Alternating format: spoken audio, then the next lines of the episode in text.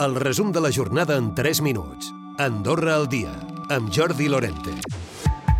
El preu dels pisos continua disparat. Eh, El problema per accedir a l'habitatge cada vegada es fa més difícil i és que, segons el Departament d'Estadística, el metre quadrat és ara de mitjana un 15% més car que l'any passat.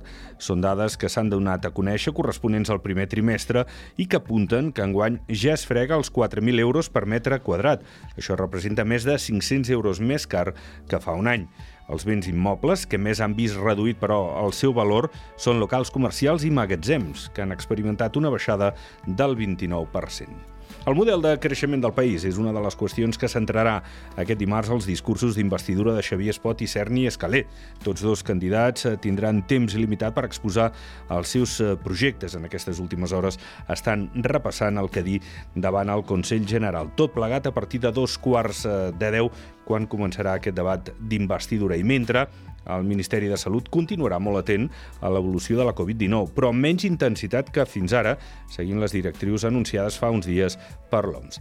En parlava el ministre de Salut en funcions, Albert Font. L'ull li seguirem tenint i seguirem eh, promocionant campanyes de vacunació i seguirem promovent eh, campanyes d'higiene i d'higienització d'alguns espais o d'alguns comportaments per evitar justament de que aquesta malaltia torni a venir i que toqui les persones eh, més vulnerables.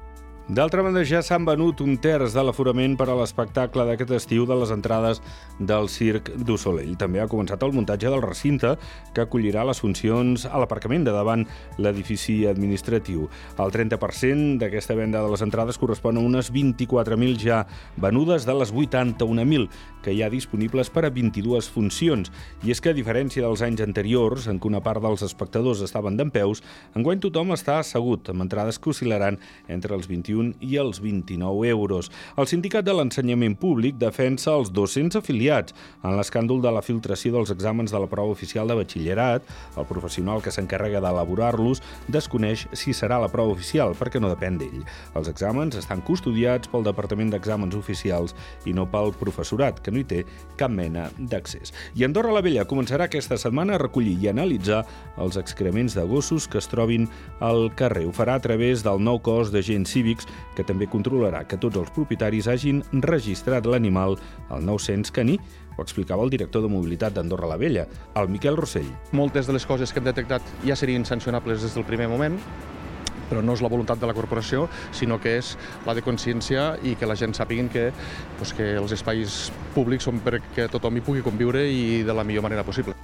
La venda de vehicles de ball a les concessionàries han encetat l'any amb menys vendes respecte de l'any passat.